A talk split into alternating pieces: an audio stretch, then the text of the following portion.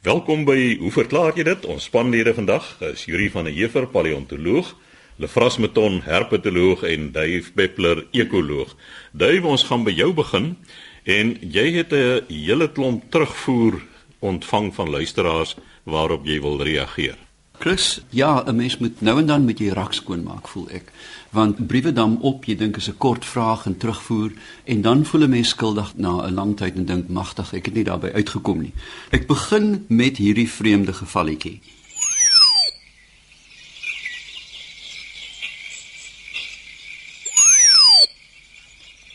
Natuurlik weer die Kaapse koekie en dis verstommend hoeveel terugvoer ons kry oor die horrelvoetjies van hierdie voeltjies. Nou, Hier is 'n brief van Annetjie Versagie. Sy sê na jou vorige praatjie oor koekies, wou ek laat weet van ons waardering, maar sy kom toe nooit daarby uit nie, want 'n ander Annetjie, daar is blykbaar meer Annetjies as net sy, het toe presies gedoen wat sy wou vertel.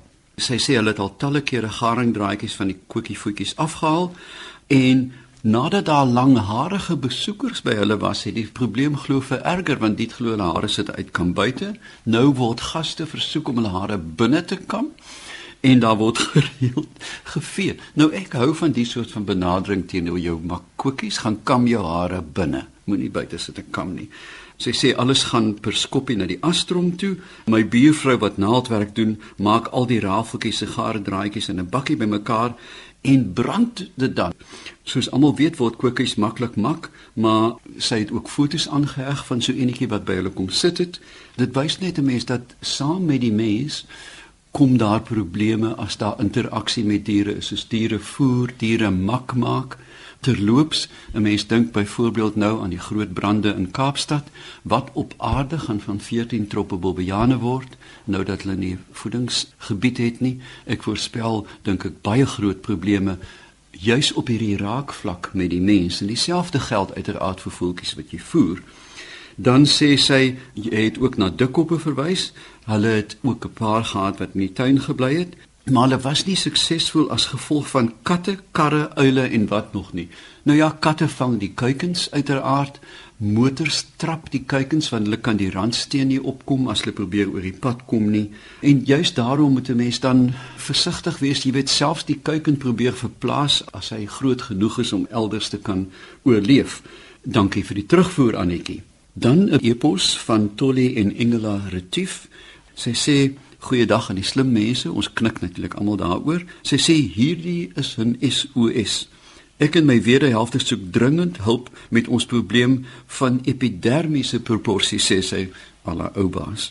Ons woon in 'n sekuriteitsbuurt in 'n stil, groen en rustige deel van Somerset Wes.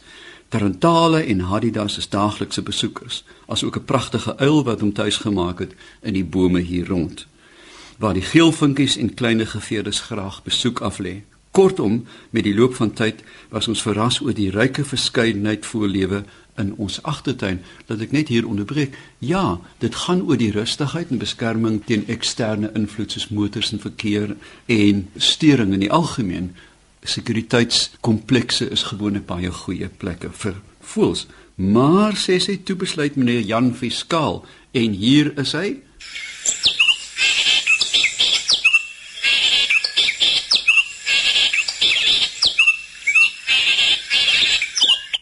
Dat meneer Jan Fiskaal hom nou in die paradys wil inwerk.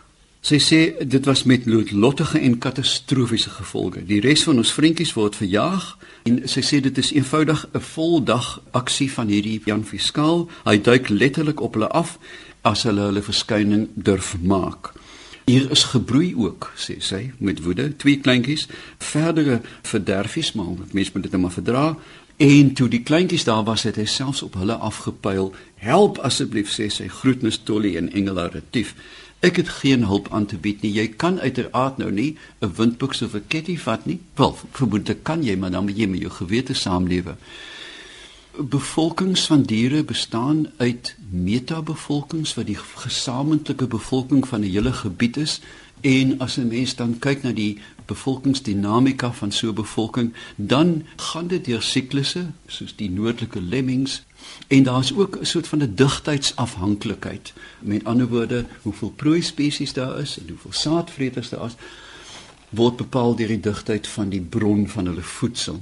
Ongelukkig is dit nou so dat die Jan Fiskaal nou op by julle ingetrek het en hierdie is deel van sy territorium en hy sal nie baie verder as 2 of 3 huise van julle afwoeker nie, maar ongelukkig is julle die lokus. So, 'n mens wil ook nie die nes vernietig nie. Ek dink 'n mens moet gelate aanvaar dat hierdie deel is van die ekwilibrium van die kunsmatige habitat wat julle geskep het en ongelukkig moet julle net eenvoudig daarmee saamlewe. Dan 'n klein briefie aan Dave Peppler. Kan die suksesse van Quartus Loubser en Kie van Kloeteskraal, het enige iemand die vaagste idee wie Quartus Kriege is? Ek weet nie. Buite veldrif nie dalk aangewend word om vlermuise te gebruik om die muskietplaag tot 'n minimum te beperk nie. Ek vermoed wat meneer Loubser en Kie gedoen het is om vlermuishuise te bou hierdie planne bestaan netjies by die Endangered Wildlife Trust ewt.org op die internet. Dis 'n verstommende maklike manier om 'n klein vlermuis huisie te bou as jy hulle uit jou dak uit wil lok as hulle daar mors.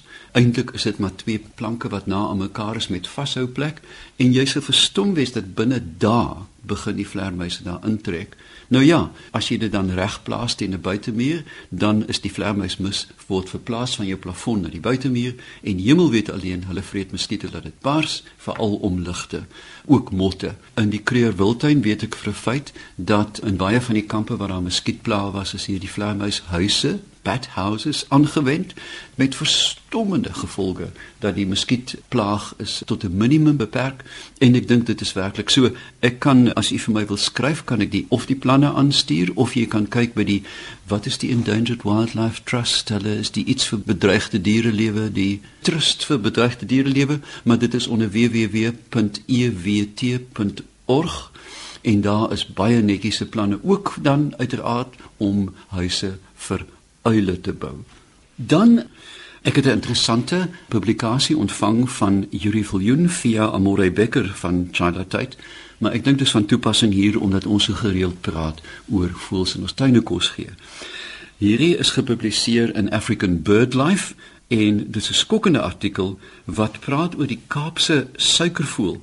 Nou in Voelklip Hermanus in Januarie 2014 is 30 van hierdie lieflike voëls opgetel om 'n uh, nektar voerder. Nou hulle klink so.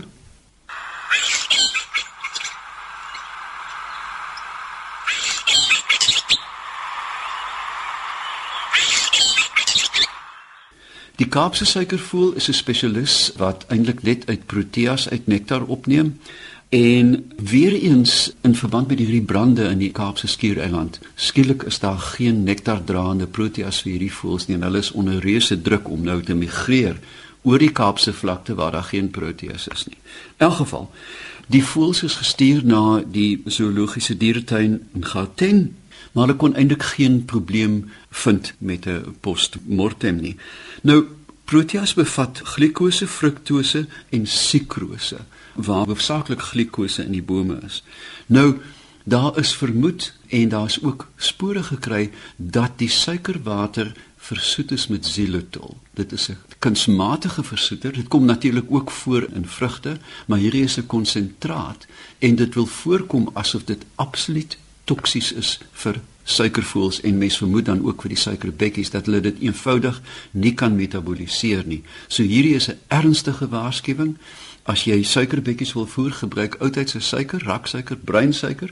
Kleur dit effens om dit 'n rooierige kleur te gee, maar bly eenvoudig weg van xylitol. Jy gaan massamoord pleeg. Hierdie is endemiese voëls. Daar's net twee in Suid-Afrika, die Kaapse en dan is daar een in die noorde. Die naam ontglip my nou, dis in my byval maar hulle is baie beperkte verspreiding en ons kan nie bekostig om per voerder 30 voels te laat sneuwel nie. So luisteraars wees asseblief gewaarsku en gebruik suiker of heuning, maar nie xylitol nie. Aldus Dave Peppler, ons ekoloog, Yuri van die Heever, ons paleontoloog. Yuri, 'n luisteraar wil by jou weet hoe oud is kokerbome? Chris, ons het 'n brief ontvang van 'n man wat homself net identifiseer as Berto van Springbok En hy sê kan julle asseblief help om kokerbome se ouderdom te bepaal? Ek het op my plaas naby Springbok 'n paar grootes wat baie oud lyk. Nou Bertie, jy sê nie watter soort kokerboom dit is nie, want daar is verskillende soorte. Ons het die reuse kokerboom Aloe pilansi en dan hier teen Namibië opkry ons Aloe dicotoma en ek vermoed dit is ook wat jy by Springbok het. Nou mens kan nie 'n kokerboom dateer soos 'n gewone boom nie, want die binnekant van die stam het nie hout met jaringe nie. So jy kan nie jaringe tel nie. Dis 'n redelike sagte pulp wat 'n mens maklik kan verwyder en dit is ook waar die naam vandaan kom want die sanmense het destyds hierdie stompe afgemaak en binne in skoon gemaak en aan een kant toegemaak en dit vir 'n uh, koker gebruik vir pile. Ek kan onthou toe ek baie jonk was het ons so 'n parkiet hok gehad en my oom het vir ons 'n stuk kokerboom gegee en hy toe aan beide kante het hy van die ou Cobra stoeppolitoer blikke se deksels opgesit en vasgemaak en dan aan die een kant daarvan het hy 'n klein gaatjie voorgemaak waar die parkiet kan ingaan en 'n klein tappennetjie onder die gat ingesit vir die voël om op te sit. En parkiete maak ons nou net so 'n holtjie in die hout as hulle broei en die kokerboom is nou lekker sag om so uit te vreet. Wat mense doen met kokerbome is hulle kyk na die grootte van die bome en daar is al reeds bepaal kleintjies is geplant en hulle is dopgehou. So daar is data wat sê dat as die kokerboom korter as 'n meter is dan groei dit omtrent 42 mm per jaar. As hy tussen 1 en 3 meter lank is dan groei hy so 31 mm per jaar en kokerbome hoër as 3 meter groei teen min of meer 16 mm per jaar. So dis soos met baie diere, krokodille byvoorbeeld, soos hulle ouer word, groei hulle stadiger. Hulle krokodille hou nou nie op met groei nie, maar hulle groei al hoe stadiger. Op daardie basis word daar dan beweer dat 'n kokerboom van omtrent 8 meter hoog is min of meer 380 jaar oud. En in Namibië is daar na Alu dicotoma gekyk. Daar's 'n uh, koolstof radiodatering op die bome gedoen. En daar is ook aangetoon dat hierdie groot bome is regtig nie duisende jare oud soos sekere mense beweer nie. Hulle is eintlik baie jonger en uh, die groot bome volgens daardie berekening van uh, hoër as 5 meter is ongeveer plus minus 200 jaar oud. Alu dicotoma kan omtrent tot so 10 meter hoog word en aan die basis daarvan is die stam dan min of meer so 1.2 meter in deursnee. So Berto, die ding sal maar wees as jy hierdie data gebruik, dit is vrylik beskikbaar op die internet ook en as jy kyk hoe hoog jou bome is, dan kan jy by benadering dan sê hoe oud dit is. Chris, nog 'n brief, kort briefie het ons ontvang van Rina Harof van die Parel en sy sê julle program Sondagoggende mis ek vir niks. So sy het ook nie baie om te doen op 'n Sondagoggend dink ek nie. Die murg van 'n skaap se gekookte boutbeen is altyd 'n groot lekkerny. Soms was dit net 'n klein streepie en andersins was dit 'n dik murg. Die plaaskinders het altyd beweer dat dit met die maan se siklusse te doen het. Nou, Rina, Ek hou ook van murg en skaapbout en so aan en ek dink ek kan sommer vir jou uit die vuis uit sê dit het niks met die siklusse van die maan te doen nie want murg het 'n baie belangrike funksie in 'n dier se fisiologie. Mens kry basies twee soorte murg, die rooi murg en die geel murg. Die geel murg is hoofsaaklik net vetselle en die rooi murg bevat nou allerlei goed soos die uh, rooi bloedselle, die eritrosiete. Dit dra die suurstof in die bloed Ons kry wit bloedselle daar. Dit is soos 'n klein weermaggie van die liggaam wat al die onwelkome besoekers moet verswelg en uitwis.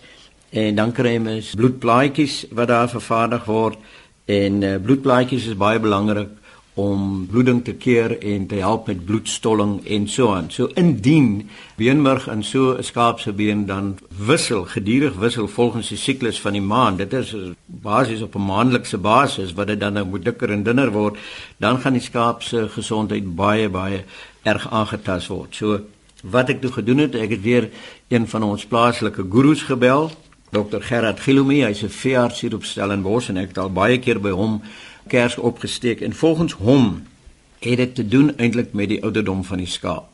Waar jy 'n jong dier het wat baie aktief is, het jy murg wat die hele beenholte vul en soos die skaap ouer word en die fisiologiese prosesse vind stadiger plaas sê hy, vind hy dat die beenmurg dan ook dunner raak. So die verklaring eintlik vir daai dun beenmurg is dat die slagter het jou 'n ou skaap verkoop. So jy het nie 'n jong skaap gehad om te eet nie.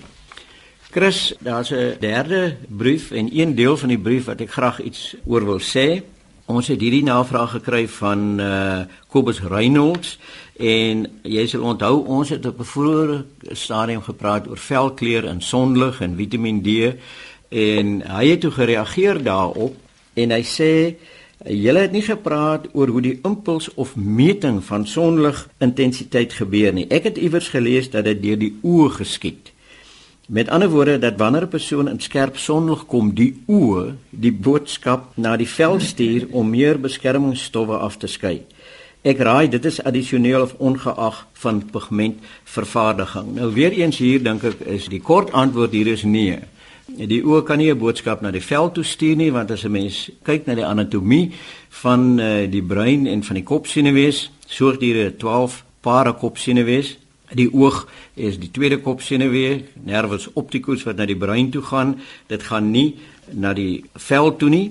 Die vel besit natuurlik hierdie baie gespesialiseerde selle, die melanosiete wat net onder die epidermis lê en dit vervaardig die breinpigment melanien want hy sê nou verder op grond van sy aanname my vraag is indien dit so is kan dit wees dat dit nadelig is vir jou vel om 'n sonbril te dra selfs dat sonbrille die evolusie van ligte velle kan beteken Nou ek wonder of hy nie hier gedink het aan wyle Michael Jackson nie wat bekend was vir die dra van sonbril en deur sy loopbaan het hy toenemend ligter geraak, maar dit was nie as gevolg van die sonbril nie. Dit was as gevolg van mediese ingrepe wat plaasgevind het.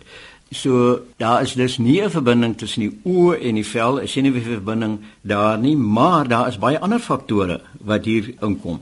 Die hormonale balans van iemand se liggaam kan 'n wanbalans kan veroorsaak dat die vel donkerder word. Vrouens tydens swangerskap kan ervaar dat die vel beïnvloed word en dan uh, inflammatoriese siektes soos akne of dermatitis of sekere chemikalieë kan veroorsaak dat 'n mens se vel donkerder word en natuurlik ouderdom. So as ek nou na my eie vel kyk wat in so 'n pragtige toestand is en ek neem my half verouderde kollegas om die tafel waar om te sien hoe donker hulle velle raak, dan dink ek ouderdom speel tog 'n rol.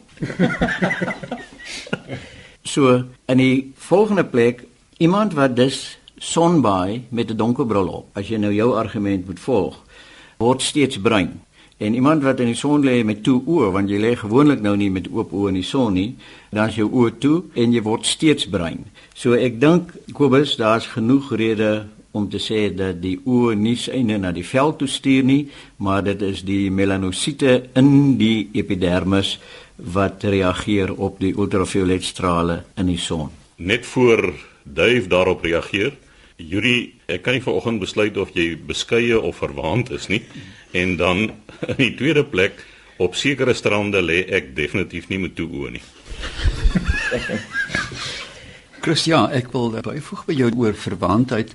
Yuri, dankie vir jou mooi woorde oor my vel, maar tweedens, velle is so sensitief dink ek as 'n mens kyk na ligterapie in Skandinawië waar mense behandel word as 'n teendepressant, jy weet nadat hulle lang winters het, dat hulle eksperimente gedoen het dat indien jy selfs die agterkant van die knie irrideer, is die uitwerking presies dieselfde as 'n vollyfbestraling.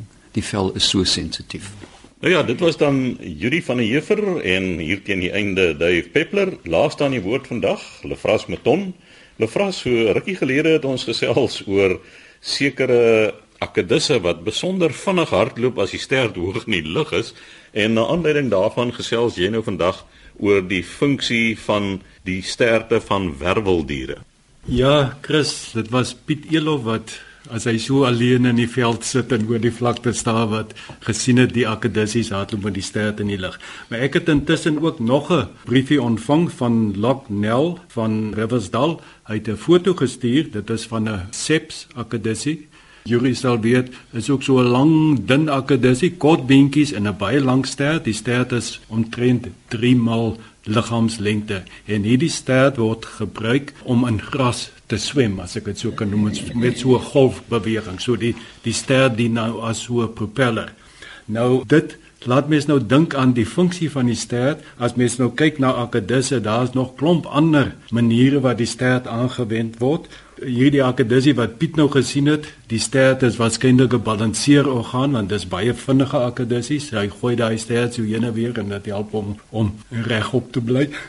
Vir kleermannetjies weet ons dit 'n grypstert, hulle kan die stert om takkies draai en is amper 'n vyfde ledemaat wat hulle het. Lukkewaan en ou volk akedisse aan die Vrystaat, hulle slaan met hulle sterte en die armadil akedis hier teen die Weskus Hy byt weer sy stert vas en dan rol hy in 'n balletjie. Dan is daar baie skinke en ook ander akedisse wat hulle stert kan amputeer of afgooi en dit is ook 'n beskermingsmeganisme. Die predator gaan dan nou vir die stert wat nou agterbly. En baie geitjies stoor dan ook byvoorbeeld vet in die stert. So dit is 'n hele reeks van 'n verskeidenheid van funksies wat die stert vervul. As mens na soogdiere toe gaan, dan kry jy basies dieselfde groot verskeidenheid van funksies. Ons weet jou grondeekorings hierso in die droë dele, hulle gebruik daardie wolstert as 'n sambreel in die warm son en 'n jagluiperd, die stert speel 'n baie belangrike rol as 'n balanseerorgaan. Die antennetjie agter op 'n vlakvark Ja, ek weet nie of daar enige radio ontvangs is nie. maar ons weet perde het lekker lank stert, hulle kan vliee weg, jag ensovoorts ensovoorts, maar daar is ook baie diere wat jou sterkie maar eintlik so 'n kort dingetjie geraak het, 'n olifant stert, ek weet nie wat die funksie eintlik is nie. Dan is daar baie diere wat hulle stert, soogdiere wat die sterte verloor het, soos onder andere die mens se voorvaders, die groot ape, hasse het kort stertjies, bokke, meeste boksoorte het ook maar kort stertjies. So Dit is 'n verstommende variasie in die funksie van die stert wat ons by diere kry. Ek dink die jury daar's 'n ander struktuur by landwerveldiere wat so amper 'n ongedefinieerde sentrale funksie het as juis die stert en dit laat 'n mens nou wonder Ek kan nie aan iets dink julle vras. Dit is 'n interessante storie wat jy vertel. Wat ek wel aangedink het is renosters. Nee, is dit seekoeie? Seekoeie. Ja. Gebruik die stert wanneer hulle mis, word die stert gebruik om die mis te verpletter en te versprei. En dui, wat is die rede? Hoekom doen hulle dit? Hierdie is 'n territoriale feromoon wat versprei word. Met ander woorde, dit bepaal die woongebied van die dominante dier binne daai gebied. En jy kan ook die frekwensie en die spreiwyte kan jy aan dominansie bepaal. So hoe meer hormone daar in die liggaam is, so verder sprei hy mis uit. 'n Mens sal nou graag net wil dink nou maar hoekom? Hoekom is dit so? En ek dink die antwoord lê daaraan as ons so 360 miljoen jaar gelede Yuri toe die land werveldiere ontstaan het visse weet ons het sterte en hulle gebruik dit as 'n aandrywingsorgaan in die water En met die ontstaan van landwerveldiere, daardie geleidelike evolusionêre oorgang na land, het die vinne en ledemate ontwikkel en daardie eerste tye op land, die stert was nou eintlik 'n oorbodige struktuur. Nou ja, so van die begin af is dit iets wat daar was wat nie werklike funksie het nie en ons weet by paddas byvoorbeeld dat die stert sommer vroeg in die evolusionêre geskiedenis verlore gegaan en daarvandaan het dit allerlei nuwe funksies aangeneem en dit kon verskeie kere dit verlore gegaan. En nou ja dit bring my dan nou by 'n meer belangrike of interessante ding hierdie kwessie van honde se sterte wat afgesit word. Daar word allerlei redes daarvoor gegee dat dit wreed is en dat dit oneties is. Een van dit is dat dit 'n rol speel met balans. Nou ja ek dink die honde wat wel dit as balanseerorgane nodig het windhonde en die goed daar word dit nie afgesny nie maar die meeste ander honde het nie dit nodig as 'n balanseerorgaan nie. Hulle sê wel dat by honde, omdat hulle sosiale diere is, speel sterte 'n baie belangrike rol om te kommunikeer. Ons weet honde waai hulle sterte as hulle nie aggressief is nie Ons weet ster tussen die bene weggaan op 'n teken van onderdanigheid. Nou as jy nou 'n hond se stert afsny, dan kan hy nie daardie boodskap oordra aan 'n ander hond nie en dan mag hy nou deurloop. Hy is nou eintlik onderdanig, maar die ander hond kom dit nie agter nie. So daar kan probleme wees. Hulle het studies gedoen wat wys dat honde wat se sterte afgesny word, raak meer aggressief op die einde as van dieselfde soort wat nou nie die sterte afgesny word nie. Maar nou weet ons met die teelery van al hierdie honderasse is daar klompe honderasse wat so geteel is dat hulle kort sterte het. So nou wil ek weet is hulle almal aggressiewe honde? Ons weet 'n Rottweiler is nogal 'n moeilike bedryf. So ek weet ek het my bedenking oor al die redes wat nou aangevoer word, maar nou ja, in elk geval om op te som, ek dink die stert is voorwaar 'n unieke struktuur van diere wat vir soveel verskeidenheid van funksies aangewend word en ek uh, ja ek sê dan dankie aan Piet en Loknel om hierdie gesprek aan die gang te gesit het. Die glorie vir my van hierdie gesprekke uiteraard is dat 'n mens tydens die gesprek aan dinge dink wat jy nooit aangedink het nie. Net oor honde, ek het in my hedonistiese dae gejag en ek het met Duitse korthaar patruishonde gejag. Nou as jy vir hom 'n lang stert gee, is dit bloedbad want hy sal eenvoudig sy stert nerf afslaan as hy apporteer. So, dit is noodsaaklik dat die stert daar afword. Maar toe laat dit my dink natuurlik iets wat ons nie aan gedink het nie, is die lemurs, die Shifaka, waar die stert as beide 'n groot wit en swart vlag gebruik word in kommunikasie maar ook baie ryk is aan velkliere en dat dit dan 'n kwas word wat die geure versprei. So hulle loop met hierdie groot vlag en wys vir hulle bure en daar dink ek is een uitsondering in die primate waar die stert 'n kernfunksie in kommunikasie speel. Die vraag is 'n interessante storie. Mense moet dan ook nou nie vergeet dat die patroon, die ontwikkelingspatroon wat by werveldiere bestaan, sluit natuurlik nog die ontwikkeling van 'n stert by mense in. En af en toe alhoewel die stert nou nie meer of gewoonlik nie meer by mense by geboorte sigbaar is, en kry jy tog mense met sterte. Ek het 'n pragtige foto van twee Amerikaanse seuns wat redelike lang sterte het en die sterte is nie afgesit by geboorte nie en die ekstra foto's daarvan toon dat die sterte wervels het. Dis nie net 'n stuk vet wat daar hang nie, dis wervels met senuwees. Die tweede ding wat ek ook soos Dave sê aan gedink het toe jy nou gepraat het, ek het 'n video gesien wat van honde geneem is wat in 'n hok gehou word as 'n eksperiment en die videokamera is bo kan die honde geplaas en dan kry jy nou verskillende persone wat die hok nader, wat die hond dan net sien. En as dit die eienaar van die hond is, dan kan jy duidelik sien wanneer die stert swaai, swaai hy meer na die een kant toe en wanneer daar 'n vreemdeling aankom en die hond is aggressief, dan swaai die stert ook, maar dan is daar 'n ander manier van swaai. So 'n stert is eintlik 'n baie baie sensitiewe ding waar dit nog voorkom. En daarmee het ons aan die stert van hierdie storie gekom. Dit was Lefras Meton wat oor die funksie van werveldiere se sterte gesels het. Skryf gerus aan ons by hoe verklaar jy dit? Posbus 2551 Kaapstad 8000 of stuur 'n e-pos aan chris@rsg.co.za